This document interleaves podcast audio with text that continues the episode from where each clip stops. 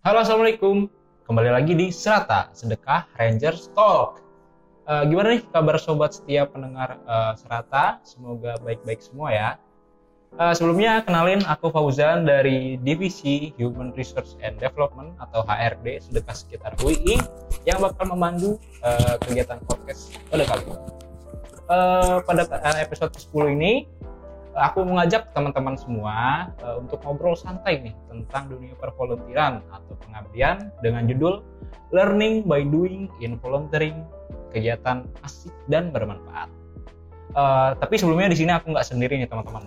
Aku di sini ditemani oleh uh, tamu kita yang sangat uh, luar biasa, sangat inspiratif. Uh, boleh dong kak uh, say hi ke teman-teman pendengar. Ya, halo teman-teman. Kali ini kita bareng Fauzan ya. Ya. Moderator kece di podcast episode 10 ya. Betul ya, semoga lancar jaya sampai di akhir penghujung acara nanti ya. Siap, terima kasih. Oke, teman-teman.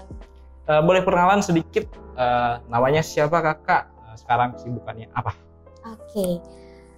Halo teman-teman, saya Putri Ratu Balkis. Orang-orang biasa memanggil aku Ratu, biasa juga dipanggil Balkis, macam-macam. Biasa juga dipanggil Putri. Jadi emang ada yang manggil Putri, biasa dipanggil Ratu, biasa juga dipanggil Balkis. Kemudian sekarang fokusnya ke mana? Fokusnya bercabang-cabang sih. Fokusnya bercabang-cabang, tapi uh, kemarin emang sempat vakum ya di program pengabdian. Yeah mulai dari Januari sampai Agustus karena emang full skripsi, ngejar skripsi, kejar target tepat waktu dan alhamdulillah semuanya sudah terlaksana.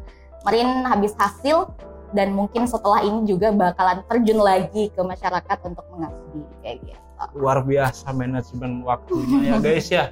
Jujur aku sendiri nih guys eh, sebagai sama-sama mahasiswa nih semester akhir sebetulnya kalau misalnya kita nggak mampu nih buat membagi waktu antara kegiatan akademik di kampus sama kegiatan kita di luar itu benar-benar bakal keteteran betul, ya. Betul, betul. bakal akademiknya yang keteteran misalnya nilainya anjlok atau itu karena kesibukan di luar kampus. Betul. Uh, by the way nih gimana nih kabarnya Karatu nih? Alhamdulillah sehat. Alhamdulillah. Setelah sekian lama ya kita nggak ketemu mungkin sekitar berapa setahun dua tahun ya? Tahun ya, ya kita kita ketemu itu pertama oh. kali waktu di pengabdian pengabdian di Kepulauan Seribu ya? Pulau Seribu tepatnya benar. Pulau Sabirah. Bulan berapa waktu itu ya? Udah lama ya? Aku masih inget. Oh, bulan iya. Desember 2021. Oh my god. Iya. Karena aku ingat itu momen itu karena aku lagi pusing-pusingnya makanya ingat sekali. Pusing-pusingnya, pusing-pusing karena apa tuh? Kegiatan banyak oh, iya. panitia, uh, terus juga ngurusin divisi tentunya ya buat ke. Pulau Sabira gitu. Jadi ya itu makanya inget. Uh, Oke, okay. uh, eh, aku coba kenalin lebih jauh ya tentang Keratu ini siapa nih sebenarnya kenapa bisa kita undang di sini. Jadi gini guys, ini Karatu ini sebetulnya kan tadi sudah dijelasin dia adalah temanku di teman uh, ketemu di pengabdian, betul. Tapi uh, Ratu ini nih backgroundnya nih sangat luar biasa. Aku coba jelasin ya teman-teman. Di sini Ratu ini adalah duta inspirasi Sulawesi Selatan, duta bahasa Sulawesi Selatan, Duta Pemuda Sulawesi Selatan, Duta Wisata, uh, kemudian uh, penulis buku juga ya. Uh, judulnya apa tuh kalau boleh tahu? Jejak Jeda itu buku pertama. Ah, Dan Insya Allah itu tentang apa ya? Tentang all about love tentang cinta. Mudah sekali ya. Dan hari ini kita juga bakal membahas cinta karena volunteer itu adalah cinta. Betul sekali. oh tapi nggak sampai di situ teman-teman. Ini Ratu juga adalah uh, brand ambassador ya dari berbagai macam organisasi pengabdian tentunya sangat luar biasa sekali teman-teman. Kemudian model, pembicara juga di banyak tempat. Kemudian yang tentunya konten creator dan juga penggiat pengabdian atau volunteering atau biasa disebutnya volunteer entusias gitu ya bahasa sekarangnya luar biasa sekali uh, ini kan uh, apa namanya? Uh, kalau kita ngomongin soal dunia pervoluntiran hmm. nih ya uh, dan ini juga masuk ke tema kita dan ini masuk ke apa ya pertanyaan pertama kita hmm. ya. Uh, sebenarnya apa sih karena nih uh, dunia volunteer itu ya? Volunteer. Kita iya, bahas betul tentang volunteer ya, berbicara Betul. tentang volunteer kegiatan yang lagi booming boomingnya sebenarnya, Betul lagi booming boomingnya sekarang, lagi viral viralnya apalagi sekarang tuh udah dengan sangat mudah kita mendapatkan berbagai NGO-NGO kepemudaan, khususnya yang bergerak di bidang pengabdian masyarakat. Itu udah banyak banget Fauzan. Tapi kalau ditanya tentang apa sih uh, volunteer itu sendiri, kalau volunteer ya yang pada dasarnya pada umumnya kita tahu bahwasanya kegiatan yang memang dikhususkan kepada masyarakat, mengembangkan masyarakat, membantu masyarakat, aksi positifnya kita, kontribusi kita, kepedulian kita kepada masyarakat yang memang tidak mengharapkan jasa atau imbalan sepeser pun. Itu definisi pada umumnya ya pengabdian masyarakat volunteer. Tetapi kalau ditanya versi aku sendiri apa sih sebenarnya volunteer itu? Menurut aku volunteer itu adalah panggilan cinta. Panggilan cinta. Panggilan cinta karena tanpa cinta kita tidak akan terketuk untuk terjun langsung di tengah-tengah masyarakat. Iya, Dan cinta yang baik, Fauzan, cinta yang baik selalu berasal dari hati yang baik dan tentunya memerlukan memberikan proses yang baik juga. Kita tidak akan menyandang gelar seorang volunteer, kita tidak akan menyandang gelar sebagai relawan kalau tidak ada cinta yang tumbuh dalam hati. Makanya saya selalu bilang kepada teman-teman volunteer biasa kalau ketemu di uh, ruang pengabdian, di TKP biasanya, di lokasi pengabdian, saya selalu bilang kepada teman-teman delegasi, uh, karena uh, tidak semuanya ya, tidak semuanya volunteer itu punya cinta yang sama. Tidak semuanya volunteer punya cinta dan ketulusan yang memang maknanya ya untuk sukarelawan, tidak. Ada beberapa memang yang uh, volunteer yang memang sengaja memanfaatkan ruang pengabdian khusus untuk tujuan dan alasan tertentu, maksud tertentu gitu. Makanya saya selalu bilang kepada teman-teman delegasi, seimbangkan cinta dan ketulusan. Karena ketika kita memiliki cinta yang baik dan hati yang tulus, maka tidak ada sedikit pun jeda untuk berbuat kejahatan. Kayak gitu. Jadi, Jadi kalau ditanya apa sih volunteer itu? Kalau saya satu kata aja, panggilan cinta. panggilan cinta untuk pengabdi begitu ya, Iya, tanpa betul. mengharapkan imbalan. Betul sekali. Luar biasa sekali. Eh tapi gini, eh, Kak Ratu. Ini kan tadi kan eh, apa sih namanya? Orang-orang nih kalau yang buat awam ya, orang awam nih Mhm. kayak ngeliat eh, kegiatan volunteer nih kayaknya ah ini cuma main-main atau ngabisin duit gitu. Tapi sebenarnya eh, kegiatan volunteer itu apa aja sih Kak? Maksudnya secara spesifik mungkin kayak di dalam organisasi kan mungkin ada kayak Iya. divisi-divisi. Nah, kalau di kegiatan pengabdian sendiri itu seperti apa sih Kak?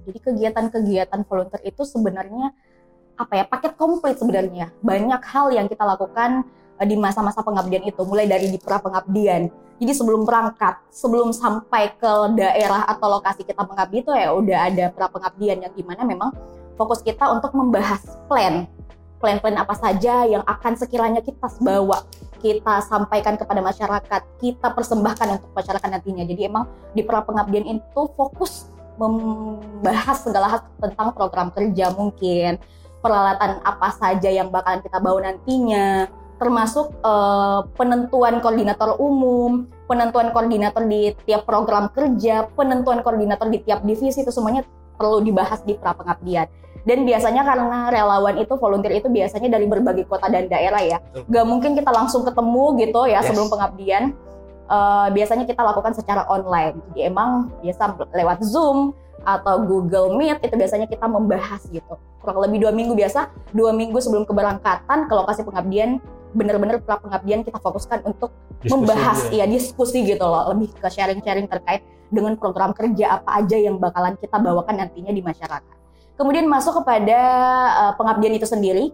Di lokasi pengabdian biasanya yang pertama ada eh, penyambutan.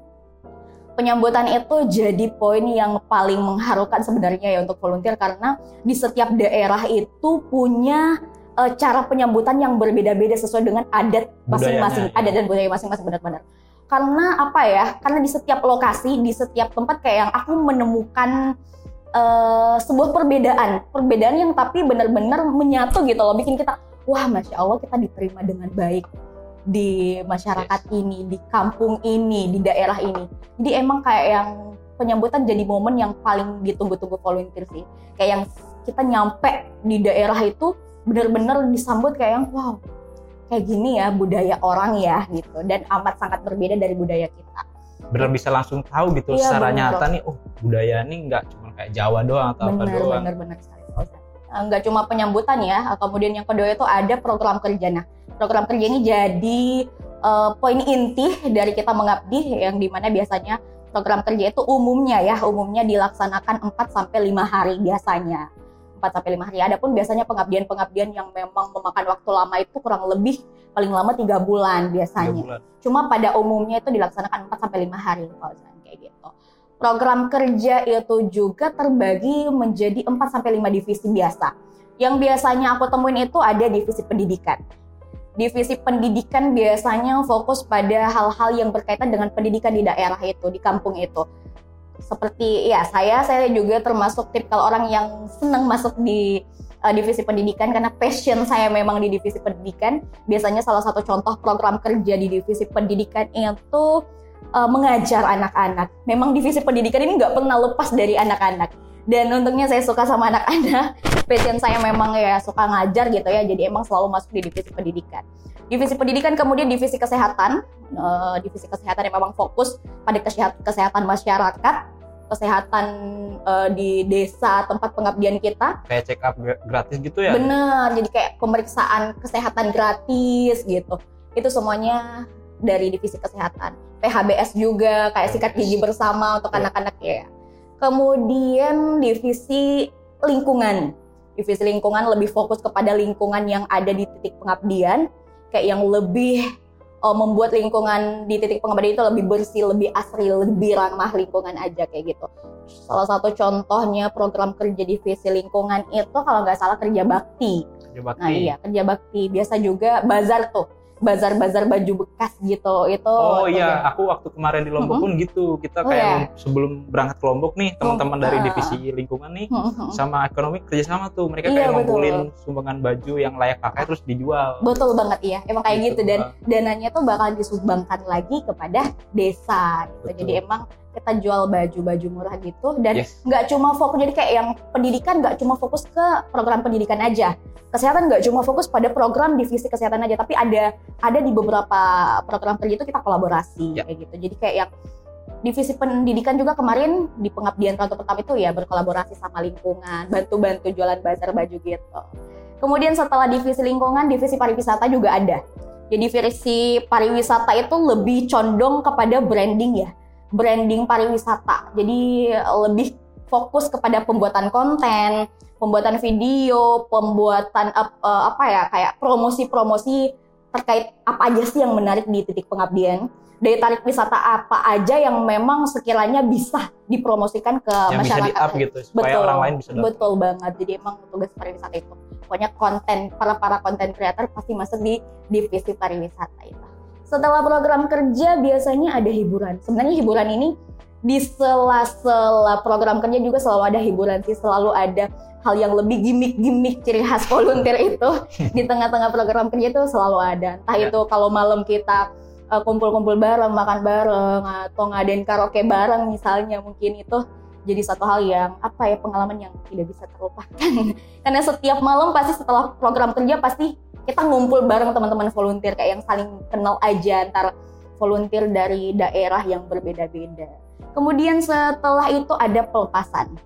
Ya di mana ada penyambutan biasanya ada pelepasan ya. Dan pelepasan itu jadi momen yang paling iya mengharukan, paling sering menghabiskan tisu, menghabiskan air mata. Bener-bener nguras air mata banget sih apalagi aku tipikal orang yang anti banget ya sama perpisahan. Jujur lah jadi kayak yang aduh momen yang sedih banget ya tiap tiap uh, perpisahan volunteer itu karena kayak yang ya kita sudah mengabdi, kita sudah memberikan hal yang baik untuk masyarakat, kita udah akrab banget juga sama masyarakatnya tiba-tiba pisah aja gitu loh. Ibarat udah saya lagi masih sayang-sayang. Iya benar. Malah pisah. Wih, kita masih sayang-sayangnya malah dipisahkan ya, tapi itulah hidup ya Fauzan ya. Kemudian setelah uh, kita pelepasan biasanya selalu ada agenda liburan. Jadi itulah uh, serunya, nikmatnya kegiatan volunteer setelah kita bersusah-susah payah, bercapek-capek ria mengerjakan program kerja selalu ada liburan setelah kita bersenang-senang ria. Iya ya, betul betul. Jadi ada liburan gitu, entah itu sehari apa dua hari emang extend aja gitu setelah ya. kita mengerjakan seluruh agenda kegiatan dari volunteer. Oh. gitu kurang lebih seperti itu sih Fauzan gambaran di program-program pengabdian kompleks sekali ya karena itu ya hmm. jadi sebenarnya kita nih mengap, uh, apa ya ikut pengabdian ini nggak semena apa semata-mata nih kita ngabdi terus kita mengajarkan sesuatu hmm. gitu ke masyarakat tapi kita pun bisa belajar juga nih dari betul. masyarakat uh, sananya juga betul gitu sekali, ya betul, betul. luar biasa sekali. Jadi ini cocok lah nih buat teman-teman yang pengen coba untuk kegiatan aktif di luar kampus. Nah, salah satunya ikut kegiatan volunteer nih bisa dicoba gitu ya, Iya. Ya. Wajib malah. Wajib. Eh, by the way tadi ngomongin eh, sempat new juga nih eh, terkait apa namanya kegiatan volunteer pertama kali nih Karatu. Nah, volunteer pertama kali ini Karatu nih eh, ke mana dan waktu itu masuk divisi apa dan kegiatan itu waktu waktu itu programnya ngapain sih? Gitu. Kalau aku kemarin itu kali pertamanya volunteering, kali pertamanya terjun langsung di dunia pengabdian itu di Labuan Bajo. Biasanya orang-orang kalau uh, baru pertama kali ikut pengabdian mungkin yang dekat-dekat dulu aja lah ya, yang yang dekat-dekat di Pulau Jawa atau mungkin dekat-dekat dari lingkungan rumah. Tapi aku langsung ke NTT waktu itu. Kapan itu kalau boleh tahu? kalau nggak salah 2018 19 kali ya awal-awal aku masuk kuliah kalau nggak salah tuh 2019 Kayak ya. Iya tapi posisi waktu itu aku kerja. Aku kerja di Jakarta nggak tahu deh kapan. Duh, udah lama banget Fauzan. Waktu itu posisinya aku masih kerja di Jakarta kerja sambil kuliah. Dan kuliahnya di kegiatan Jogja. volunteer. dan ikut Sangat kegiatan volunteer. Sekali, ya karena peluang kan? Ada peluang. Setiap peluang harus dimanfaatkan Harus gitu. Ya, kemudian divisi aku waktu itu, oh ya masih inget banget posisinya di Kampung Baru, tepatnya di Manggarai Barat, tepatnya di Provinsi Nusa Tenggara Timur. Iya, NTT. Kemudian divisinya ya, seperti yang aku bilang tadi, nggak jauh-jauh dari divisi pendidikan. Karena ya memang kita masuk di divisi itu yang passion kita gitu loh. Betul. Jangan sampai kita masuk di divisi Malah malah jangan sampai tertekan gitu. Iya betul betul ya nggak mungkin aku masuk divisi uh, kesehatan ya aku nggak ada basic aku bukan perawat bukan dokter juga Tiba-tiba suruh ngasih tensi Iya. darah. kalau istri dokter mungkin bisa jadi ya iya kemarin divisi divisi Nah, pendidikan programnya apa itu? kita kemarin itu fokus prokernya ke anak-anak ya salah satunya juga ngebenahin sekolah jadi Hmm. sekolah di kampung baru itu cuma ada satu Kayak di revitalisasi gitu ya Iya betul banget. Ah, kita ngebenahin sekolah itu karena bener-bener kayak yang udah gak layak gitu loh Fauzan. Bener-bener gentengnya itu udah mau roboh. eh, apa cat temboknya itu udah nggak layak Letek-letek. banget buat iya bener. Jadi kayak yang kita eh, berinisiatif buat program kerja yang di mana eh, revitalisasi ya betul yang kata kamu tadi bilang. Jadi kita ngebersihin sekolah itu dulu, kemudian kita benahin hal-hal apa aja yang sekiranya kita bisa rubah. Kita sempat ngecat ngecat, paku-pakuin satu-satu itu ya. Mendadak jadi kuli ya. Iya mendadak jadi kuliah emang seperti itu gitu loh. Kan tugas kita adalah membawa perubahan ya. Lebih fokus ke sekolah sih kemarin karena emang di Kampung Baru tuh sekolahnya cuma satu, cuma SD doang. Jadi ketika anak-anak lanjut SMP atau mau lanjut SMA itu harus pindah ke pulau sebelah Hmm. yang jaraknya dari Kampung Baru ke pulau sebelah itu buat melanjutkan eh, sekolah itu jauh lumayan gitu loh. Jadi emang kita buat sekolah itu senyaman mungkin bagaimana caranya anak-anak betah untuk belajar karena niat untuk belajar di Kampung Baru itu rendah banget gitu loh. Kayak yang semacam pendidikan itu hal yang kesekian. Memang tidak dijunjung tinggi untuk anak-anak ya. Jadi makanya kita buat sekolahnya senyaman mungkin bagaimana caranya kita ubah sekolah itu menjadi eh, seperti ladang atau tamannya anak-anak untuk selalu eh, apa ya kayak selalu menuntut adik-adik untuk mau terus ke sekolah gitu. Karena mereka tuh malas banget gitu loh. Kayak yang kalau kita nggak ada kemarin tuh kata guru-gurunya ya itu mereka, Mereka jarang sekolah. mereka nggak sekolah jarang masuk gitu seperti itu kemarin juga sempat itu sih kemarin aku sempat jadi di ini ya di volunteer yang pertama di NTT sempat jadi koordinator program yang di mana aku ngadain lomba gitu untuk anak-anak perlombaannya di mana ngubah sampah hal yang sudah tidak bisa digunakan lagi tapi men- didaur ulang menjadi sesuatu hal yang bermanfaat kayak yang botol-botol seperti ini tuh diubah jadi Tempat tempat, pensil. pensil. misalkan bener yang bernilai jual lah buat Setidaknya anak-anak kepake lagi buat sendiri bener gitu ya. banget bisa dimanfaatin lagi atau dijual kembali gitu seperti itu Fauzan Wah, menarik sekali. Ini kegiatan volunteer pertama ini biasanya emang bener-bener membekas gitu ya karena betul betul karena eh, rasanya tuh nano-nano Uh, uh, uh. macam-macam kayak ada senengnya, takutnya, sedihnya. betul betul Tapi eh, ngomong nih soal perasaan ya. Ini waktu pertama kali volunteer nih perasaannya gimana nih kak? Takut kak atau seneng kak? Tapi jujur nih Kak, kalau dari aku sendiri kegiatan volunteer pertama nih aku nih jujur takut dan bingung gitu. Iya, takutnya iya. takutnya karena apa? Karena takut ini bener nggak sih kayak takutnya kayak diculik Oh tiba-tiba my misalnya kita God. nyebrang perahu nih kan di tengah laut kita nggak tahu nih nggak bisa lihat kanan kiri nggak ada Hmm. apa-apa tahu-tahu kan nyampe Filipina kita jadi apa human trafficking korban human trafficking kan nggak tahu terus juga tak eh, apa namanya bingungnya karena bingung ini aku harus ngapain nih pertama Iya. kali ikut pengabdian harus ngapain kan bingung ya takut ya? betul takut dan bingung gitu. Lebih nah ke cemas aja gitu. betul. Tapi ya senang juga sih bakal ketemu tahun baru. Nah kalau dari karat sendiri gimana kira-kira? Kemarin itu perasaan takut sih nggak ada ya. Aku selalu cek and recheck dulu soalnya. Jadi setiap mau ikut kegiatan mau berperang penting di kegiatan itu ya cek and recheck dulu. Ini terpercaya nggak sih?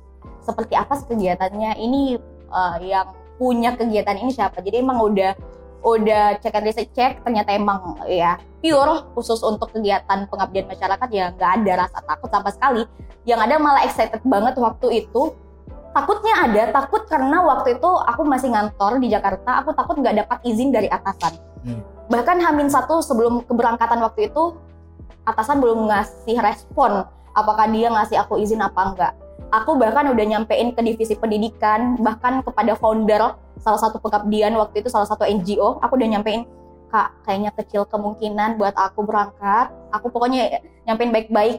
Karena biasanya tuh kalau kita eh, ikut pengabdian dan apa ya lebih lebih lebih baik aja attitude-nya gitu loh. Karena kita awalnya mendaftar dengan baik ketika untuk mengurungkan diri pun kayak nggak jadi berangkat pun harus dengan baik-baik aku izin aku izin sama foundernya aku izin sama tim divisi pendidikan. Kayaknya aku murni kayaknya fix sudah nggak jadi berangkat aku cancel gitu. Karena dari kantor kayaknya susah banget ngasih izin. Dan ternyata malam sebelum berangkat subuhnya itu berangkat dapat notif. dapat notif dari atasan ternyata dikasih izin. Waduh. Senang sekali tuh. Seneng banget ya langsung excited eh, apa ngumpulin barang-barang peralatan apa aja yang bakalan aku bawa. Apa malam itu juga iya berapa jam doang ya waktunya soalnya agak malam juga baru dikasih notif dari atasan karena emang kantor aku waktu itu ketat banget sih Hmm. Fauzan dan waktu di kantor itu juga aku mahasiswa sendiri yang lain tuh pada udah pada tua-tua semua jadi kayak yang lebih menghormati aja kalau emang Ya. nggak dikasih izin ya udahlah nggak apa-apa gitu kan Yaudah ternyata dikasih izin, subuhnya berangkat deh. Malam packing, subuhnya berangkat. Langsung sangat-sangat mepet ya. Iya benar. Ini emang kalau ditanya ada perasaan takut nggak sih? Nggak ada. Lebih ke antusias banget ketemu teman-teman dari berbagai kota. Dan itu for the first time lah. eh, iya, first time ikut volunteer ke NTT. Jadi kayak yang, aduh nggak sabar banget. Gitu. Kayak gitu Fauzan. wah luar biasa sekali itu pasti kegiatan volunteer pertama ini pasti ada aja drama iya itu selalu, selalu. Uh, soalnya ini hal yang ditunggu-tunggu untuk pertama kali ya keluar Mhm. pulau itu kan pasti kayak wah ini kalau gagal kayak kapan lagi nih bisa berangkat Benar, sana gitu kan. Uh, tapi nih ngomongin soal uh, volunteer atau Mhm. pengabdian ini sebenarnya uh, secara umum atau dari Ratu sendiri lah. Uh, sebenarnya hal apa sih namanya yang bisa didapetin dari kegiatan volunteer gitu? Misalnya mungkin bisa dari, uh, dari warga lokalnya kita bisa diajarin bahasa baru gitu kan. Kayak misalnya aku kemarin di Lombok seminggu bisa lah belajar sedikit-sedikit bahasa Sasak gitu. Walaupun kata temanku udah lah mending gak usah kamu ngomong gitu. Atau mungkin uh, jodoh gitu misalnya kan coba tahu ya. Bisa jadi. Silakan karena tuh kira-kira apa sih uh, manfaatnya ikut volunteer? Manfaat ikut volunteer kalau mau disebutin kayaknya nggak cukup. Karena banyak banget. Manfaatnya tuh banyak banget. Bejibun ya? Iya bejibun bener. Kalau dari aku sendiri ya umumnya ilmu ya. Fauzan yang pertama Ilmu ya. itu lah poin ilmunya. Ilmu yang nggak bisa kita dapetin di bangku sekolah di bangku perkuliahan aku di prodi ilmu komunikasi pun nggak sempet dapetin hal ini gitu loh. Gitu. Ilmu kemudian yang kedua adalah pengalaman. Pengalaman yang kita nggak bisa kita ganti dengan uang berapapun bener-bener yes. pengalaman di dunia volunteer di dunia Setuju. relawan itu benar-benar spesial banget bagi aku Setuju. ya. Benar-benar jadi batu loncatan untuk aku semakin berproses semakin berproses. Jadi kayak semakin yang berkembang. Iya jadi kayak kalau aku ikut pengabdian itu kayak yang berasa ngecas diri gitu loh. Ketemu dengan orang banyak ketemu dengan orang-orang hebat. Karena di di dunia volunteer itu kurang bahkan bukan kurang ya orang-orangnya itu nggak ada yang biasa-biasa aja. Semuanya orang-orang yang hebat. Orang-orang yang memang punya value gitu. Contohnya kayak ratu Ya, tiba-tiba kenal kan kira enggak siapa? enggak masih iya betul. Maksudnya ada-ada aja gitu dapat relasi-relasi yang benar-benar ngasih kita semangat lagi ngasih kita inspirasi buat setelah ini bakal ke mana lagi nih setelah ini nih gitu. Jadi emang volunteer itu candu banget ya. Sekali kita terjun di dunia volunteer berkali-kali kita bakal pasti bakal Pengen pengen, lagi. lagi, pengen lagi Iya. gitu. setuju sih Iya, setuju kan? betul Kemudian apalagi atribut. Atribut dan fasilitasnya itu benar-benar sesuatu yang bikin aku selalu bangga ya. Karena aku doyan uh, mengeksplor berbagai NGO pervoluntiran. Jadi kayak yang setiap kali kita pakai baju kebesaran dari NGO itu kayak yang seneng aja gitu. Wah, pakai baju kayak yang keren aja tuh kalau karena pakai. limited ya Mm, karena nggak dijual bebas karena produknya cuma pas pengabdian itu Benar-benar kayak yang kalau pakai baju volunteer di setiap Ya. NGO itu kayak ngerasa keren aja. Dan itu salah satu manfaat loh buat kita karena bajunya bener-bener khusus uh, buat dijadiin hak milik itu dan jadi kenangan juga buat kita ya besok lusa ketika buka lemari wah ternyata aku pernah ke NTT ini Yes. bajunya gitu. Ada tanda bukti kan gitu. Bisa diceritain juga ke anak cucu nantinya.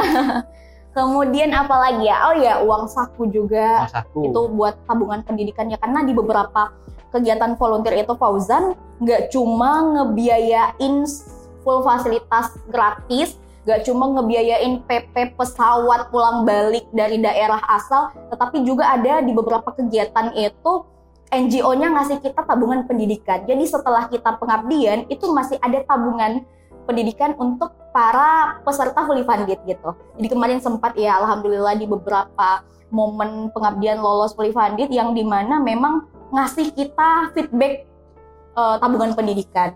Dan itu uh, sangat berguna banget ya khususnya buat aku yang memang lagi ngerintis usaha sekarang. Itu jadi modal aku untuk ah ya perbaikin usaha-usaha yang memang layak gitu loh dan ngasih aku feedback yang benar-benar masya Allah sih luar biasa.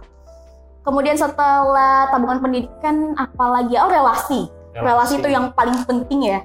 Relasi yang banyak relasi yang benar-benar di dalamnya itu di dunia pervolunteeran itu lagi-lagi aku bilang nggak pernah ada orang-orang yang biasa aja. Tapi benar-benar setiap kali ketemu orang baru orang baru orang baru di setiap kegiatan pasti ada ada aja yang bikin kita termotivasi gitu. Yes. Dan selalu deh pokoknya lingkup eh, pengabdian itu lingkup volunteer itu selalu vibes-nya selalu positif Fauzan gitu itu yang selalu bikin aku candu untuk ikut-ikut karena memang gitu. kita punya ke- kesukaan yang sama gitu Benar, benar, kegiatan Fauzan. volunteer dan biasanya orang-orang yang ikut niatnya volunteer tuh juga satu ya betul buat mengabdi gitu kan Mm-mm. jadi kayak kita punya kesukaan yang sama dan biasanya kan orang-orang volunteer itu tuh kayak ekspresif banget lah Benar. kayak eh, apa namanya ya mungkin kalau ba- bagi yang baru ya mungkin bisa di apa namanya ditoleransi lah. Maksudnya kayak masih diam gitu. tapi kalau yang udah berapa kali sekali dua kali tuh kayak ini pasti wah ini udah sering kelihatan gitu.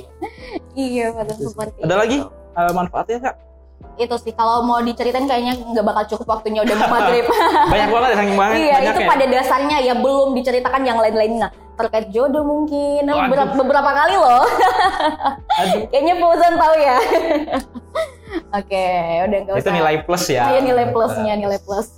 Tapi eh, gini nih maka kita nih se- sebagai mahasiswa pelajar gitu kiranya nih apa sih hal spesifik gitu kan? Eh, sekarang nih banyak gitu eh, pilihan lain gitu untuk kita beraktualisasi diri gitu atau mengembangkan bakat kita gitu kan? Ada pilihan kayak ikut organisasi bisa di kampus atau UKM atau pertu- pertukaran pelajar atau magang gitu. Tapi menurut Kak Ratu sendiri kenapa sih eh, kita nih mahasiswa eh, harus cobalah gitu ikut volunteer gitu selain kegiatan-kegiatan tadi itu. Kenapa mahasiswa harus terjun langsung ya di dunia volunteer gitu ya maksudnya? Oh, kalau versi aku jawabannya budi luhur Indonesia itu terletak pada budi pekertinya yang kemudian tercermin pada karakter atau tingkah laku para pemudanya.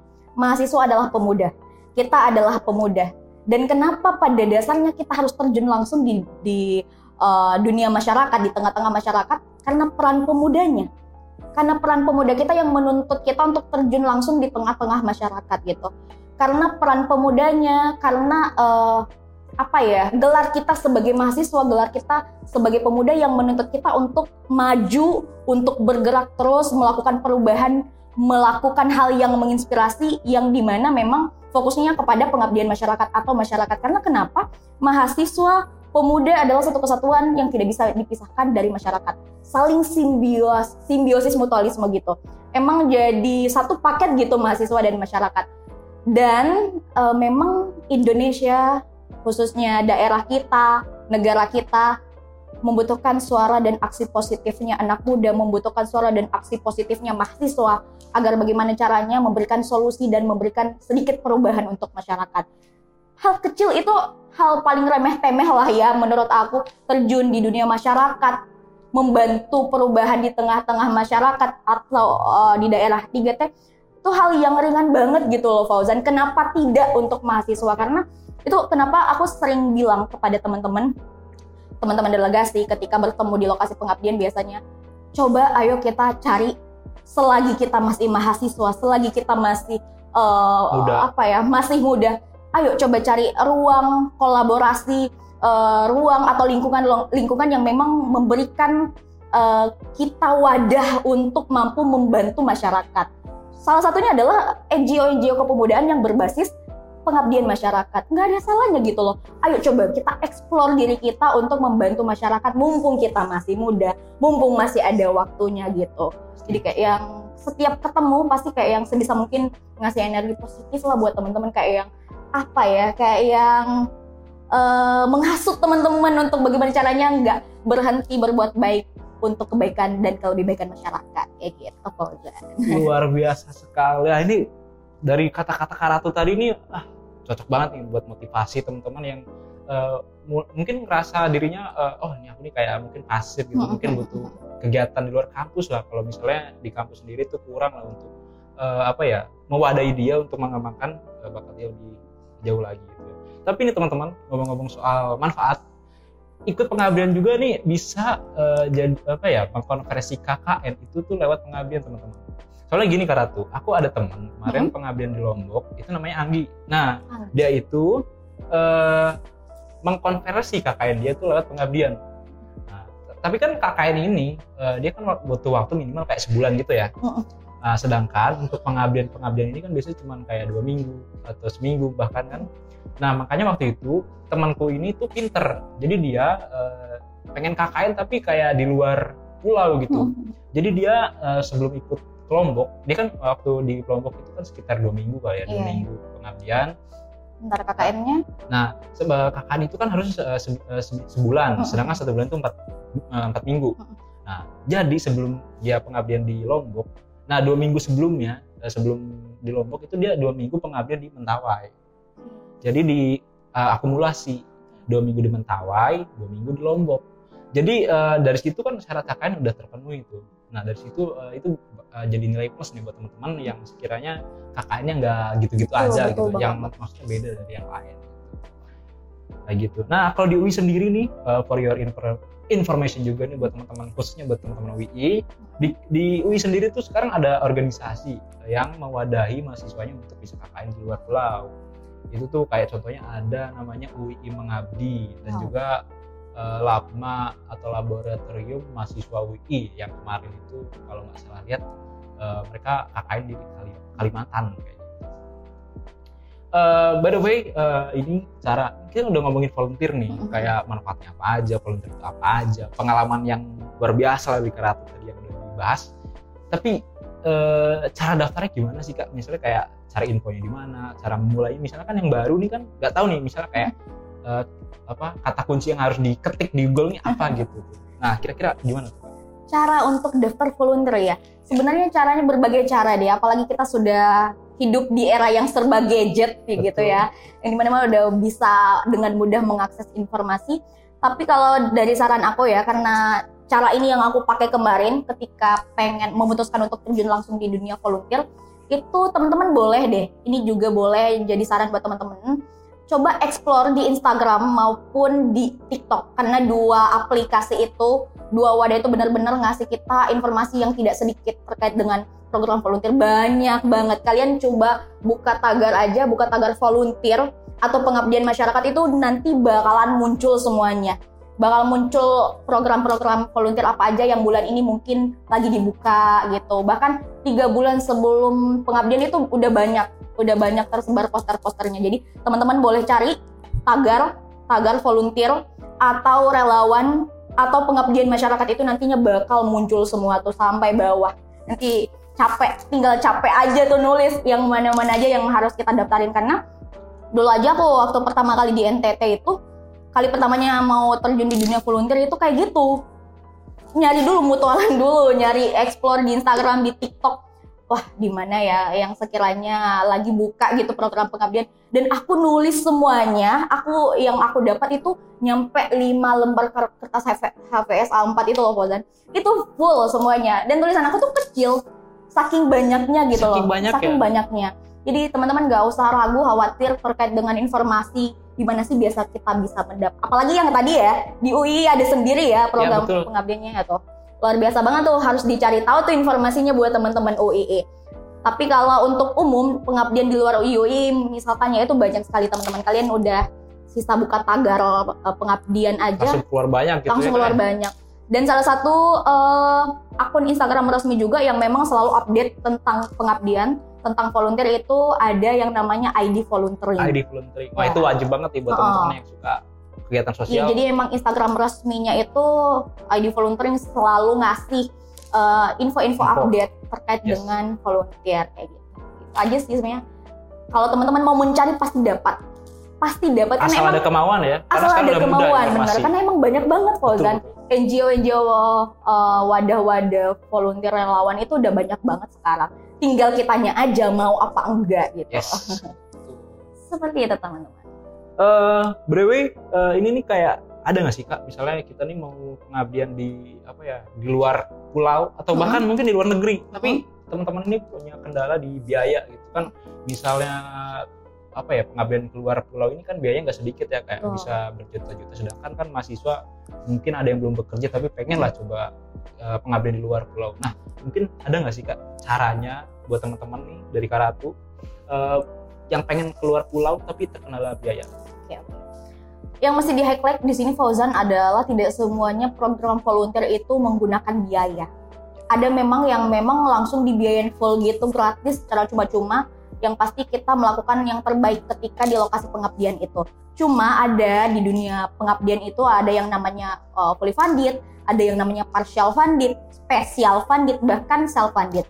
Nah, Nah, boleh itu- sekalian jelasin nggak? Ya benar. Jadi itu ketiga keempat jalur itu yang ketiga ya selain fully funded, ketiga jalur itu yang biasanya menggunakan duit teman-teman ya. Ini mesti di highlight.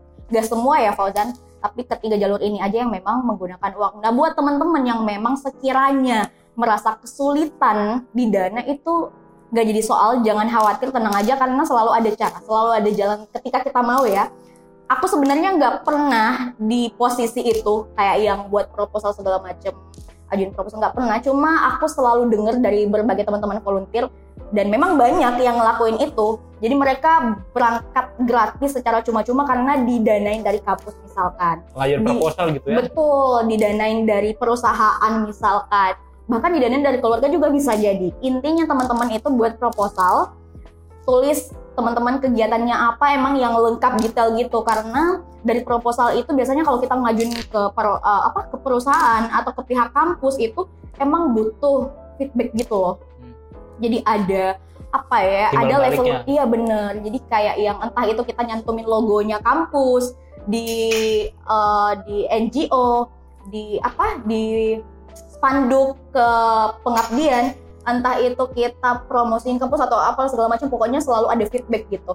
Jadi memang proposalnya harus ditata baik-baik kegiatannya apa aja bakalan ke mana prosesnya seperti apa membutuhkan biaya atau dana berapa itu jadi itu buat teman-teman yang mungkin merasa kesulitan di bagi di dana ya boleh ajuin proposal buat proposal kemudian masukkan ke perusahaan-perusahaan ternama yang sekiranya bisa membantu teman-teman untuk uh, mengatasi soal dana ini kayak gitu jadi nggak usah khawatir tenang aja Jadi eh, asal ya tadi balik lagi asal ada kemauan, asal berusaha pasti ada jalannya. betul Tapi Fauzan. karena itu tadi sedikit nyinggung soal fully funded. Mm-mm. Fully funded ini berarti kalau di bahasa Indonesia kan berarti eh, pembi- pembiayaan full gitu ya. Nah, berarti ini artinya eh, teman-teman yang mendaftar kegiatan pengabdian atau volunteer ini, kalau misalnya dia seleksi nih terus keterima fully funded, berarti dia ini eh, apa namanya dibiayai full sama organisasi organisasi tersebut ya. Eh, tapi eh, tentu eh, saingannya nggak sedikit dong. betul betul Nah, kalau dari Karatu sendiri ada nggak sih tips atau triknya gitu supaya bisa lolos qualified? fully funded. Tips dan trik fully funded itu yang pertama sebenarnya kita harus paham dulu. Saya selalu bilang kepada teman-teman paham dulu. Eh, kegiatannya ini kegiatan apa karena jangan sampai kita pengen lolos Fully tapi kita nggak tahu ini kegiatan yang kita ikutin ini kegiatan Nggak ada apa riset gitu sama loh. sekali. Iya benar nggak dari jadi benar-benar harus cek and recheck dulu kegiatannya kegiatan apa gitu penyelenggaranya siapa ecek-ecek apa enggak takutnya ngeberatin atau jadiin hambatan kita di besok lusa ketika pengabdian gitu. Jadi emang harus paham dulu kegiatan ini kegiatan apa? Yang nyelenggarain itu apa? Itu dua poin penting yang wajib banget ya. Kemudian setelah itu teman-teman hal yang paling dasarnya adalah teman-teman cari tahu sebanyak mungkin terkait dengan titik lokasi pengabdian. Semisal Lokasi teman pengabdian ya. ya lokasi pengabdian.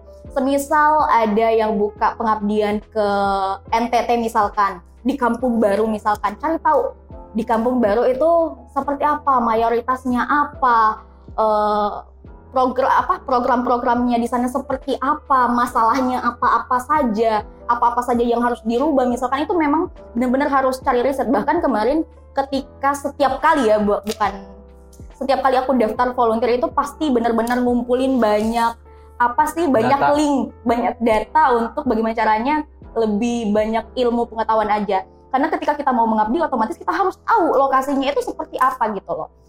Eh, selain daripada itu lebih fokus kepada tahap penyeleksiannya aja. Karena di berbagai NGO itu punya eh, cara dan tahapan masing-masing dalam menyeleksi. Nah, seperti kemarin eh, aku ada seleksi berkas. Setelah seleksi berkas ada seleksi wawancara. Setelah wawancara itu langsung pengumuman gitu. Jadi emang sesingkat itu cuma berkas dan wawancara kemudian pengumuman. Nah di berkas itu teman-teman bagaimana caranya? Berkas itu kayak yang seneng aja dilihat panitia bikin panitia kayak yang wah. menarik lah Iya yang menarik, yang bikin panitia layak nih buat aku terima. Jadi emang setiap kali aku ngisi berkas, ngisi berkas pendaftaran itu selalu full. Bahkan kadang tuh aku saking fullnya nggak bisa ke apply Fauzan, nggak bisa kekirim. Kayak harus ngurangin lagi, ngurangin lagi. Jadi emang yang kayak padet Yes. dan bener-bener isinya itu yang ngasih, yang bikin panitia wah kayaknya harus keterima nih orang gitu. Emang harus fokus ke berkas karena itu berkas jadi selalu jadi tahap pertama dalam penyeleksian. Jadi emang coba permantap dulu di setiap jalur. Kalau jalur pertama adalah penyeleksiannya adalah berkas, fokuskan pada berkas. Apa-apa saja data dirinya teman-teman atau mungkin kegiatannya teman-teman yang selama ini dilakukan. Tulis semua tuh kegiatannya, prestasinya apa-apa saja, motivasinya ikut pengabdian ini apa tulis. Kalau perlu jadiin kalau bisa jadi buku kayaknya jadi buku aku tuh. Karena emang suka suka buat esai gitu kan kemudian jadi kalau setiap tahap berkas jadi fokus banget gitu. Karena dari tahap pemberkasan itu yang bawa kita ke tahap selanjutnya. Jadi emang fokus ke tahap di setiap tahap yang ada uh, penyeleksian dari pengabdian itu sendiri.